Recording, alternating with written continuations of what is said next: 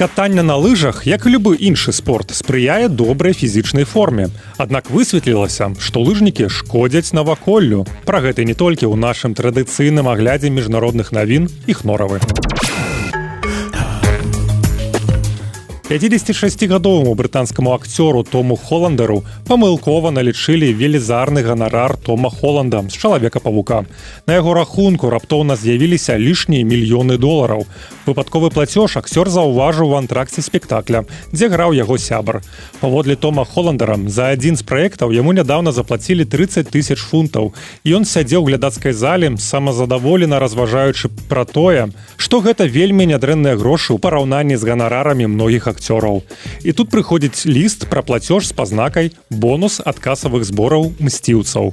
Гэта была ашаламляльная сума грошай. І гэта быў не заробак Холланда, а яго касавы бонус. І не ўвесь касавы бонус, а толькі частка. Я такіх грошай ніколі ў жыцці не бачыў. Гэта была семізначная сума. Некі час мы працавалі з тымі ж агентамі і людзі ў бухгалтэрыі заблыталіся выказвае здагадку холландер 27гадовы брытанскі акцёр том холланд сыграў у шасці эпізодах чалавека павука том холландер прызнаецца што праз сугучнасць імені і прозвішча яго часта блытаюць з маладзейшым калегам. у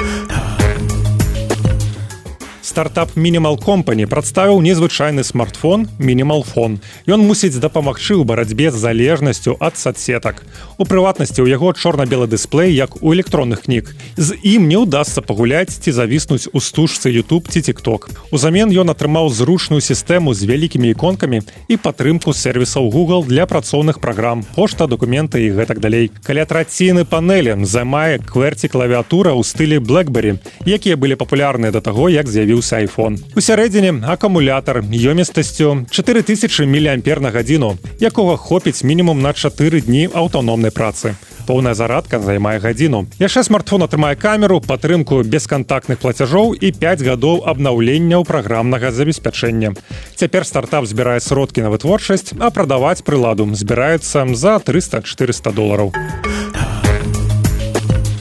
лыжнікі пакідаюць вечныя хімікаты ў снезе на гарналыжных трасах. З раставаннем снегу гэтыя хімікаты трапляюць у падземныя воды асядаюць у глебе. Даследаванні праведзены інстытутам джеймса хатана у абердзіне і універсітэтам граца ў аўстрыі паказалі што 14 розных тыпаў хімічных рэчываў pfas якія звычайна выкарыстоўваюцца ў лыжным воску былі выяўленыя ў глебах сямейных гарналыжных курортаў у аўстрыйскіх альпах. На гэтых курортах канцэнтрацыя хімікатаў сертыфікатаў была значна вышэйшая чым там дзе лыжнікі не катаюцца. Галоўная даследчыца Вікторыя мюллер сказала што нават там дзе няма катання на лыжах усё роўна ёсць невялікі рост канцэнтрацыі гэтых хімічных злучэнняў бо яны вельмі шырока распаўсюдзіліся ў навакольным асяроддзе за апошнія гады. Гэтыя хімічныя рэчывы называюць вечнымі хімікатамі бо ім спатрэбяцца сотні гадоў каб расчапіцца праз гэта яны могуць назапашвацца і распаўсюджвацца ў навакольным асяроддзі уключаючы падземных падземных вод, што выклікае асноўную заклапочанасць. Лыжнікі выкарыстоўваюць воз, каб зрабіць лыжы больш слізкімі і хутчэй катацца на трасе. Даследаванне паказала, што хімічныя рэчывы ў воску застаюцца ў снезе надоўга пасля таго, як лыжнік дасягае ніжняй часткі схілу. Лыжны воск, які змяшае хімічныя рэчывы PFAS, нядаўна быў забаронены на некаторых з найлепшых курортаў і ў прафесійных гонках праз імаверную таксічнасць. У ЗША ўпершыню пакаралі смерцю метадам азотнай гіпаксіі. Гэтым зняволеным стаў 58гадовы Кеннет Смит, асуджаны за забойства. Паводле сведкаў пакарання доўжылася каля 22 хвілін. І Смит, здавалася, заставаўся прытомнасці некалькі хвілін. Прынамсі дзве хвіліны ён дрыжаў і рухаўся. Потым вязен пачаў цяжка дыхаць і за лічаныя секунды жыццядзейнасць спынілася. У заключнай заяве перад пакараннем смерцю Смит сказаў цытата: сёння вечара малаба мама прымушае чалавецтва зарабіць крок назад. Я іду з любоўю мірам і святлом.